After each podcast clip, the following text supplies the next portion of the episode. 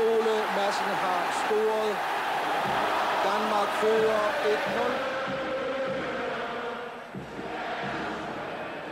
1-0. Københavns Idrætspark blev indvidet i maj 1911, så hvorfor fik man først elektrisk stadionbelysning i 1955?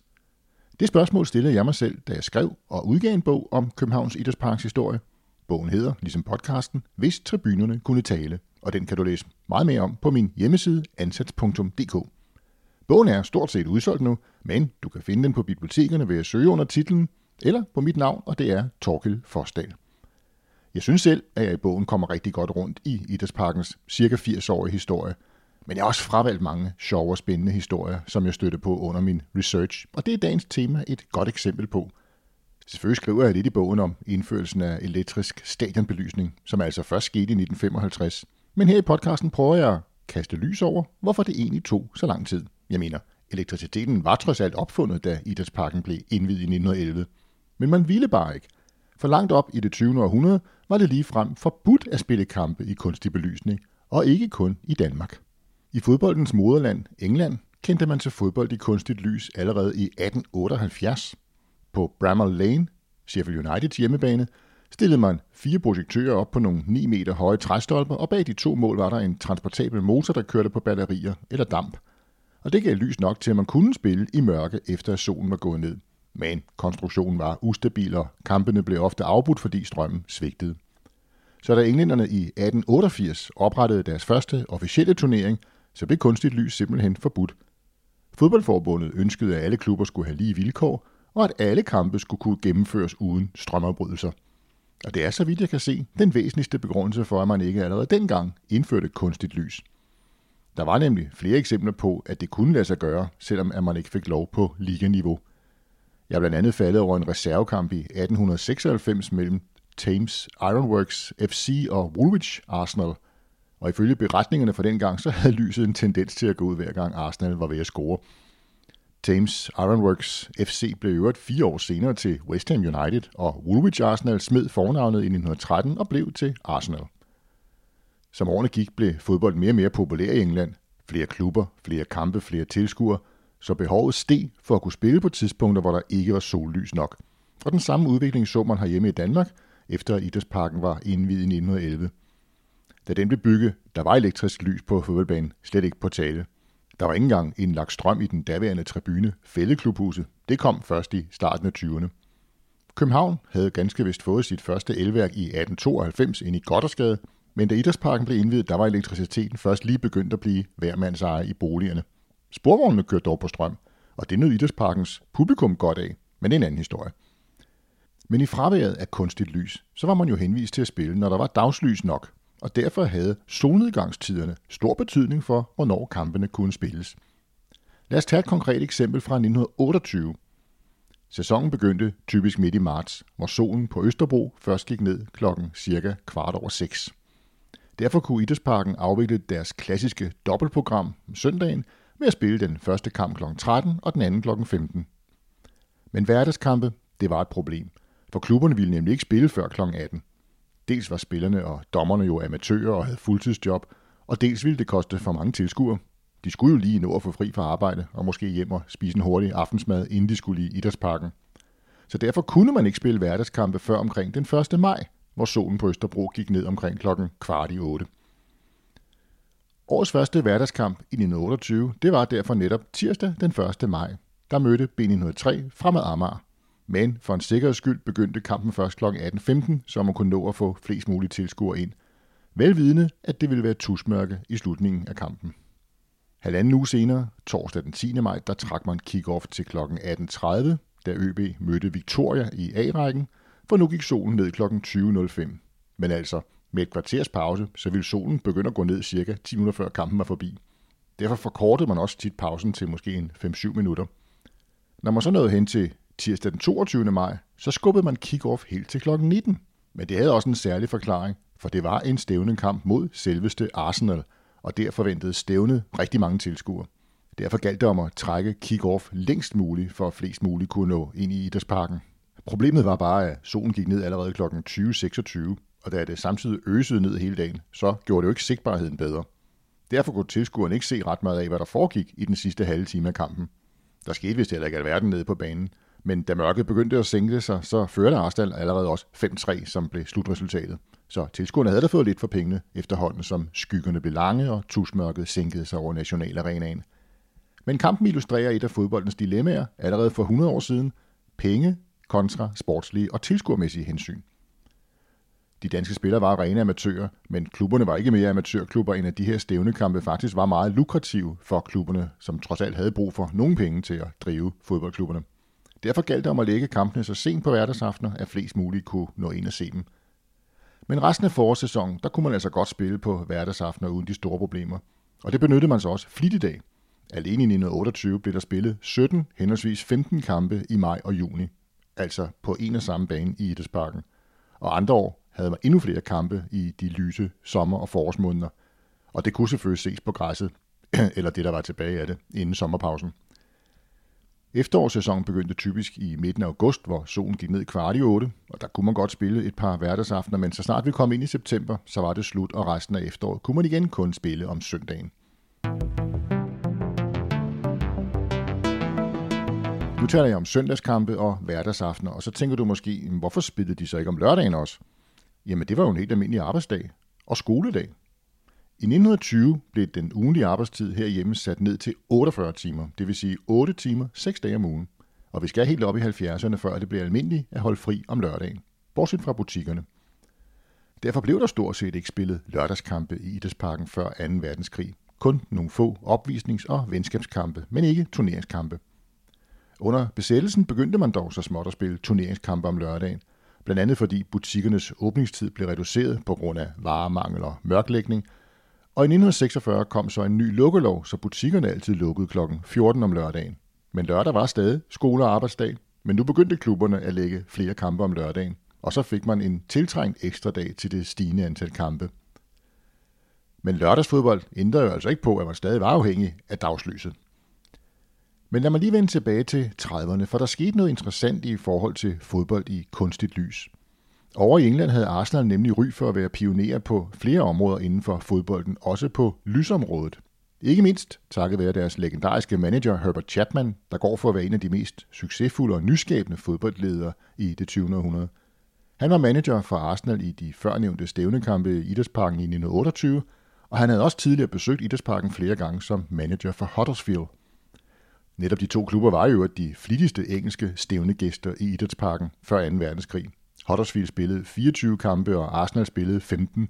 Og jeg tror, at det blandt andet skyldes, at Stævnes leder havde rigtig gode personlige relationer til netop Herbert Chapman. Blandt mange nye tiltag satte Chapman også kunstigt lys op på Arsenals hjemmebane i London, Highbury, i starten af 30'erne. Men de fik kun lov af fodboldforbundet til at bruge det til træning og træningskampe. Forbundet havde stadig ikke set lyset, når det galt turneringskampe. Det havde man til gengæld i USA, hvor kunstigt lys i 30'erne blev mere og mere almindeligt. Især i baseball, hvor man ellers traditionelt kun spillede i dagslys. Men øh, den store depression efter børskrakket på Wall Street i 1929 ramte klubberne hårdt på økonomien.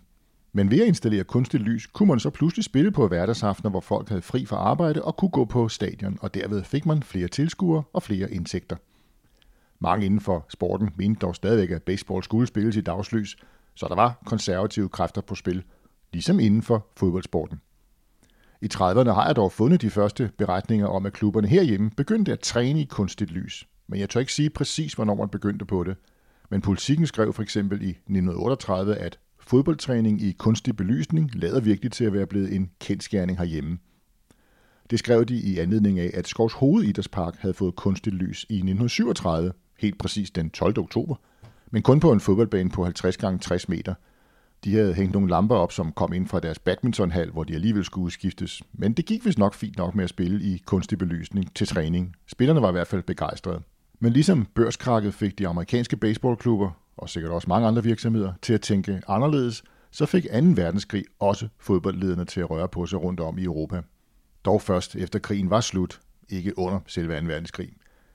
Dels manglede man både penge og materialer, og dels virkede det jo heller ikke ligefrem genialt at spille aftenkampe i fuld stadionbelysning, når man i forvejen havde rigeligt at gøre med at mørklægge storbyerne, så tyske bombemaskiner ikke kunne finde deres mål.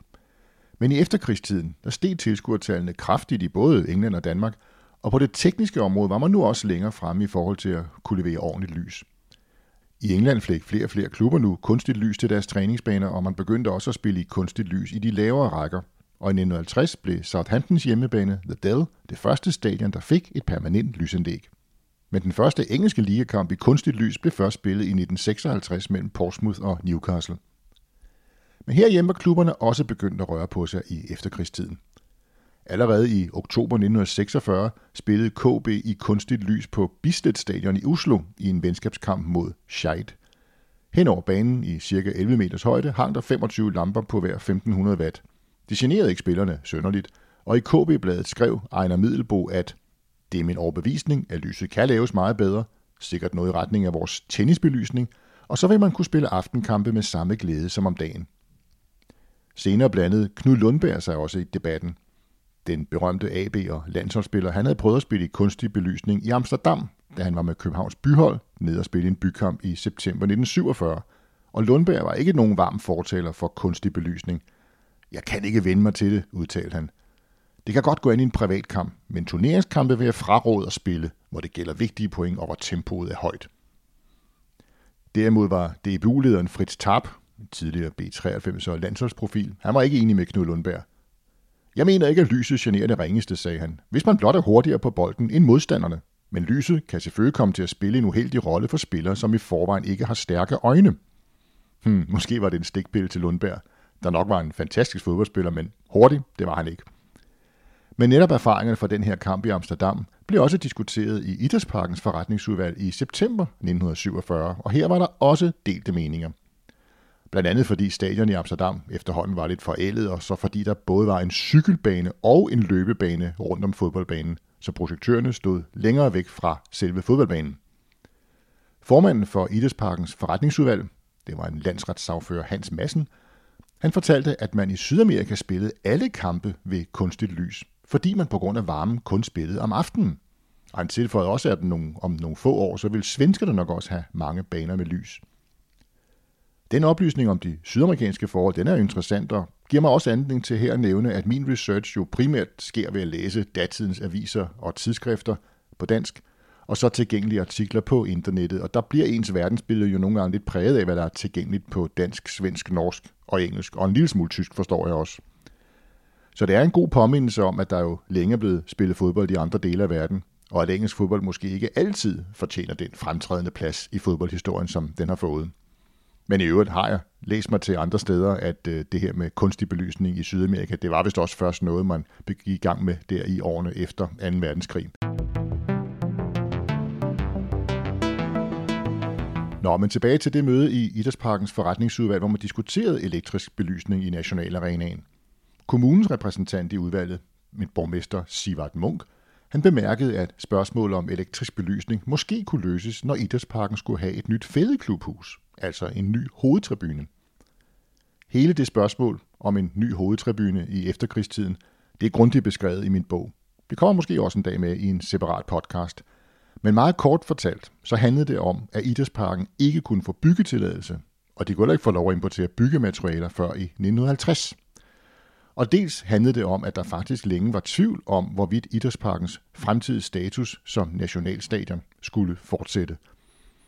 De politiske og idrætspolitiske vinde blæste nemlig i retning af at bygge et nyt gigantisk stadion ude i Valby, som led i en drøm om, at Danmark en dag skulle afholde intet mindre end de olympiske lege.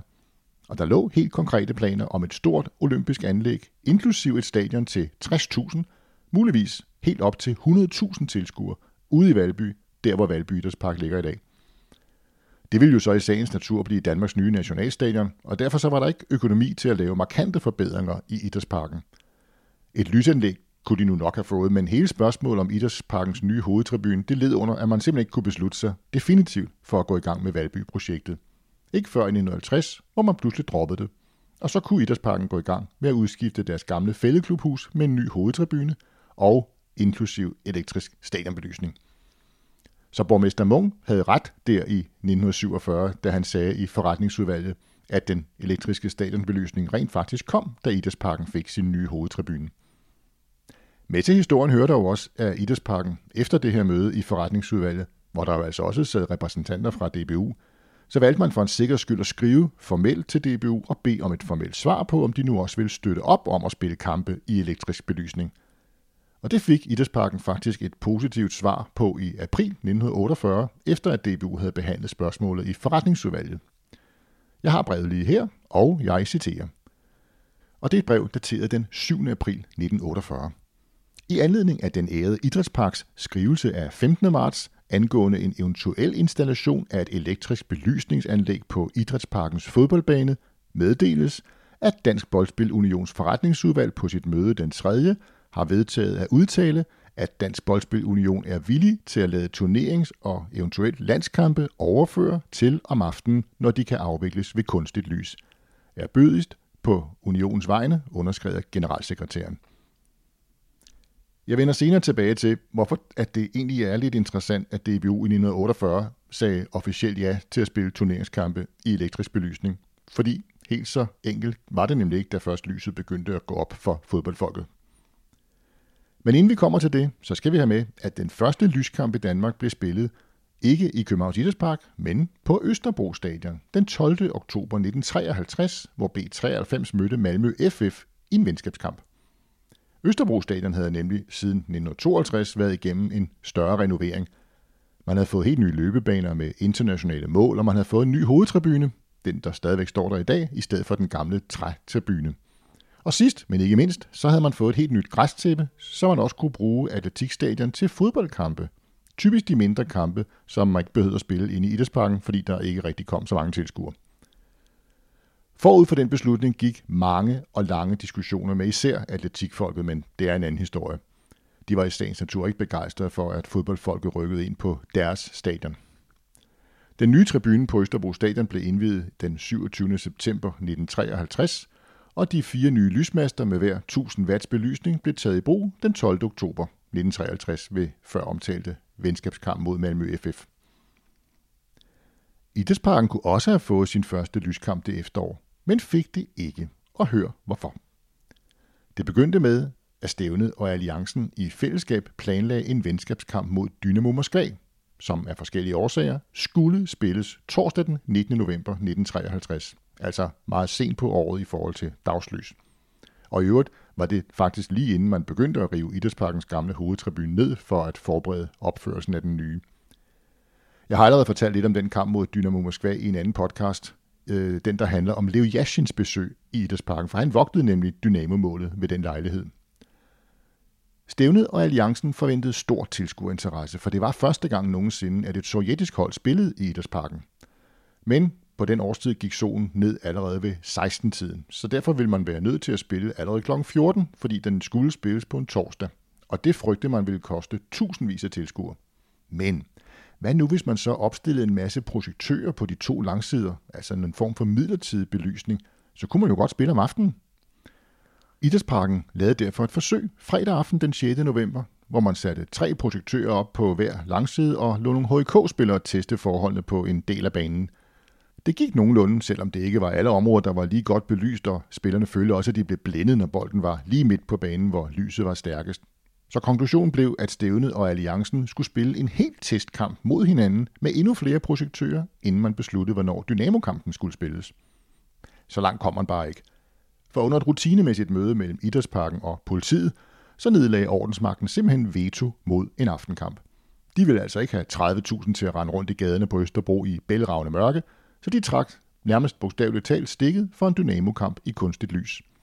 Modstræbende lagde stævnet og alliancen kampen torsdag kl. 14, men til deres store overraskelse og glæde, så gik deres bekymringer slet ikke i opfyldelse, for der kom 28.900 tilskuere.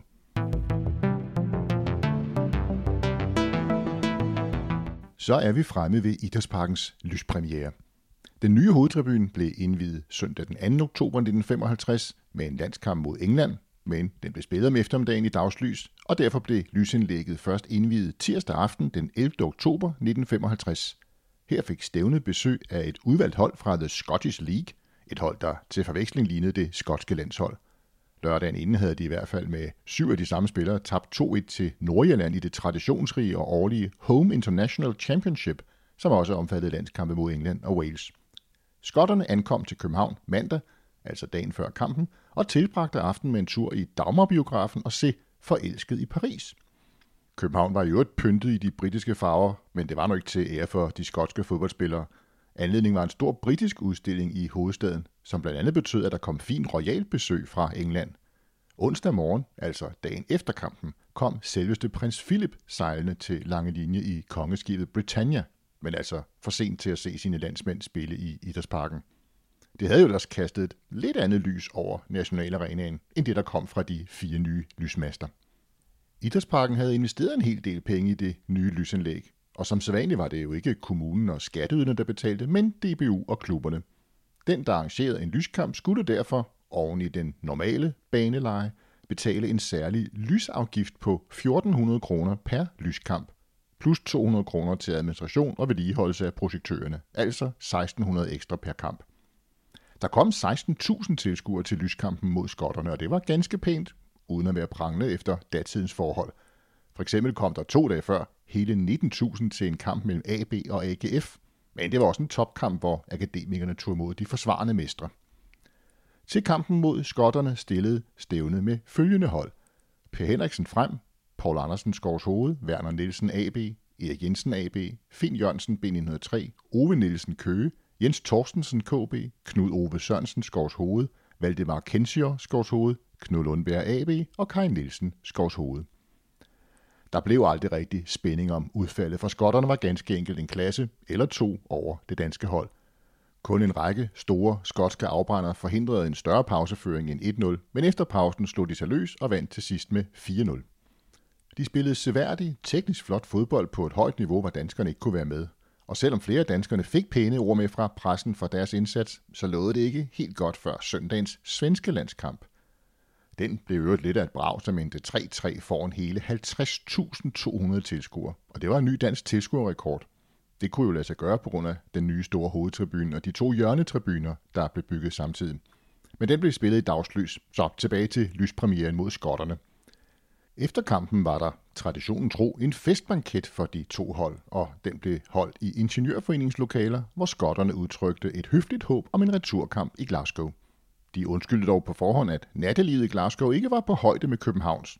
Hm, hvordan de så allerede, samme aften som kampen altså var blevet spillet, kunne udtale sig om kvaliteten af det københavnske natteliv. Men det er måske bedst ikke at trække det tema frem i lyset. Frems målmand Per Henriksen sagde efter kampen mod skotterne, og jeg citerer, Lyskampe er ikke noget for mig. Bolden er svær at beregne, og fugtigheden havde også lagt sig over græsset, så bolden blev fedtet og vanskelig at holde. Den holdning var han ikke alene om der i midten af 50'erne, hvor kunstig belysning begyndte så småt at vinde frem. Der var relativt mange spillere, der ikke brød sig om det, og det var ikke kun målmændene, også markspillere og også andre aktører end selve spillerne. Ekstrabladet skrev for eksempel, at, citat, det var et show, der var fornøjeligt, og kampen var en brilliant træning for spillerne. Men til rigtig sport, til en kamp, hvor der for alvor står noget på spil, dur aftenkampe i elektrisk lys ikke. Lyset skaber for mange tilfældigheder i spillet, mente bladet, der tør var andre tiger. Selve lysanlægget fungerede dog ganske udmærket. Der manglede kun nogle små detaljer i idrætsparken, som for eksempel at sætte nogle lamper op til også at belyse uret og resultattavlen, som henlå i mørke. Men 44 et halvt år efter indvielsen havde idrætsparken altså nu fået kunstig belysning, og det blev starten på en ny æra med mange muligheder, men altså også med en vis uvilje blandt ledere og spillere mod dette nymodens pjat. Selvom DBU, som tidligere nævnt, i 1948 gav tilsavn om at afvikle turneringskampe og landskampe i kunstigt lys, så gik man langsomt til værks. I DBU's officielle magasin Dansk Fodbold, udgave nummer 2 fra 1956, konstaterede DBU for eksempel, og her citerer jeg igen, Selvom vores hjemlige propositioner ikke indeholder noget som helst om spil i dagslys eller ellys, må det vist anses for en historisk forudsætning, at ingen art af turneringskampe kan afvikles i kunstigt lys. Citat slut. Hmm, ja, det ville jo ellers være fristende at sige, at når der ikke står noget i reglerne om, at det er forbudt, så må man gerne. Men man skal huske, at reglerne nok var lavet på et tidspunkt, hvor emnet slet ikke var aktuelt. Så jeg forstår godt, at DBU gik lidt på listefødder. Ikke mindst fordi der jo altså var en del skepsis og decideret modvilje mod kunstigt lys. Der var for eksempel en del, der mente, at de københavnske spillere ville få en for stor konkurrencefordel, fordi de hurtigt ville vende sig til at spille i kunstig belysning. De havde jo alle idrætsparken som hjemmebane, mens provinsholdene kom der sjældnere og derfor havde svære ved at vende sig til kunstig belysning. Der var også andre argumenter, for eksempel udtalte DBU-generalsekretær Erik Hylstrup engang, at klubberne efter hans opfattelse foretrak kampe i dagslys, fordi, og jeg citerer, lyskampe nu engang er en anden, mere showbetonet form for fodbold. Ja, Unionen havde nok været lidt for hurtig ude dengang i 48, hvor de skrev til Idrætsparken, at de gerne ville afvikle kampene i kunstigt lys. I hvert fald tillod DBU i første omgang kun, at pokalkampe kunne spilles i kunstigt lys, og kun hvis begge klubber var enige om det. Onsdag den 2. oktober 1957 spillede Danmark så til gengæld sin første hjemmelandskamp i kunstigt lys. Klokken 19 om aftenen var der kick-off, da Danmark tabte 0-2 til Irland i Idrætsparken. Samme år tillod DBU også, at kampe i Danmarks turneringsdivisioner nu kunne afvikles helt eller delvis i elektrisk lys, men stadig kun, hvis klubberne var enige om det. Men selv denne regelformulering gav i 1962 anledning til en hel del dramatik, og derfor får du her et lille kapitel fra min bog, hvis tribunerne kunne tale. Torsdag den 3. maj 1962 kl. 18.30 mødtes AB og Brøndshøj til en første divisionskamp i Idrætsparken men solen gik ned allerede kl. 19.51, altså midt i anden halvleg. Et kvarter efter pausen bad dommer Karl V. Hansen derfor om at få lyset tændt. Brøndshøj havde ingen indvendinger, men det havde AB. Men alligevel blev lyset tændt, og spillet blev sat i gang med en hvid bold i stedet for en brun. Der førte Brøndshøj 2-1 og endte med at vinde 3-1, men efter kampen nedlagde AB protest og henviste til, at det jo krævede accept fra begge hold. De anførte også, at to af deres spillere, John Njord og Palle Flemming Thorsen var halvblinde i elektrisk lysskær. Og endelig henviste de til, at DBU's bestyrelse engang havde udtalt, at vor fineste turnering ikke måtte forfladiges ved at blive afviklet i kunstigt lys. Som nævnt havde lyskampe været tilladt i nogle år, men det krævede accept fra klubberne. Dog, hvis man nærlæste reglerne, så krævede det kun accept, hvis DBU skulle planlægge en lyskamp, der stod ikke specifikt, at det også krævede enighed, hvis dommeren ønskede at tænde lyset i løbet af kampen. Den 11. maj, altså 8 dage efter kampen, gav DBU's turneringsudvalg AB medhold og dekreterede omkamp. Den afgørelse appellerede Brøndshøj omgående, og det handlede ikke kun om jura, men også om point. Brøndshøj var på det tidspunkt ubesejret og lå overraskende godt med i toppen af første division, og dermed også i kampen om at blive forårsmester – en placering, som gav ret til at repræsentere Danmark i efterårets Europacup. AB havde også hårdt brug for point, for de lå sidst i tabellen. Dele af AB's bestyrelse fik imidlertid kolde fødder efter DBU's afgørelse og ville indkalde til ekstraordinært bestyrelsesmøde i AB for at droppe sagen.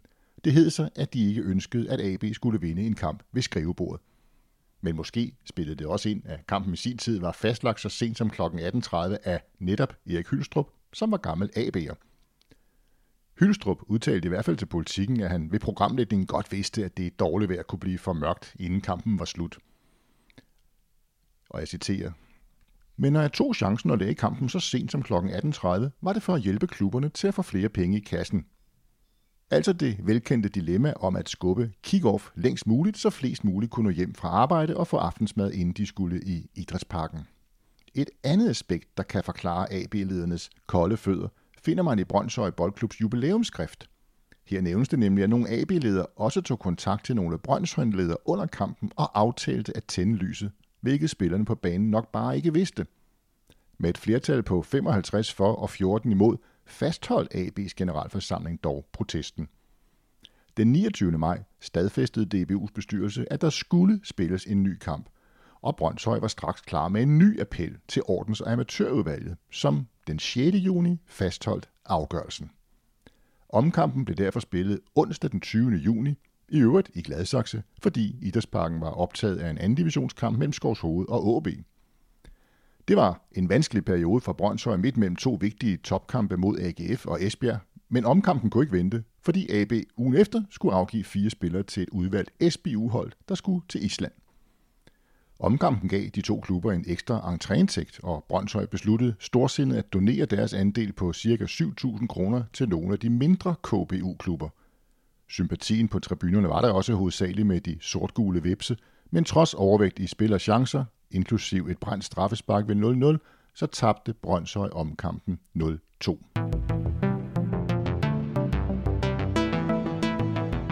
Ja, sådan kunne det altså gå, når reglerne ikke stod lysende klart for alle.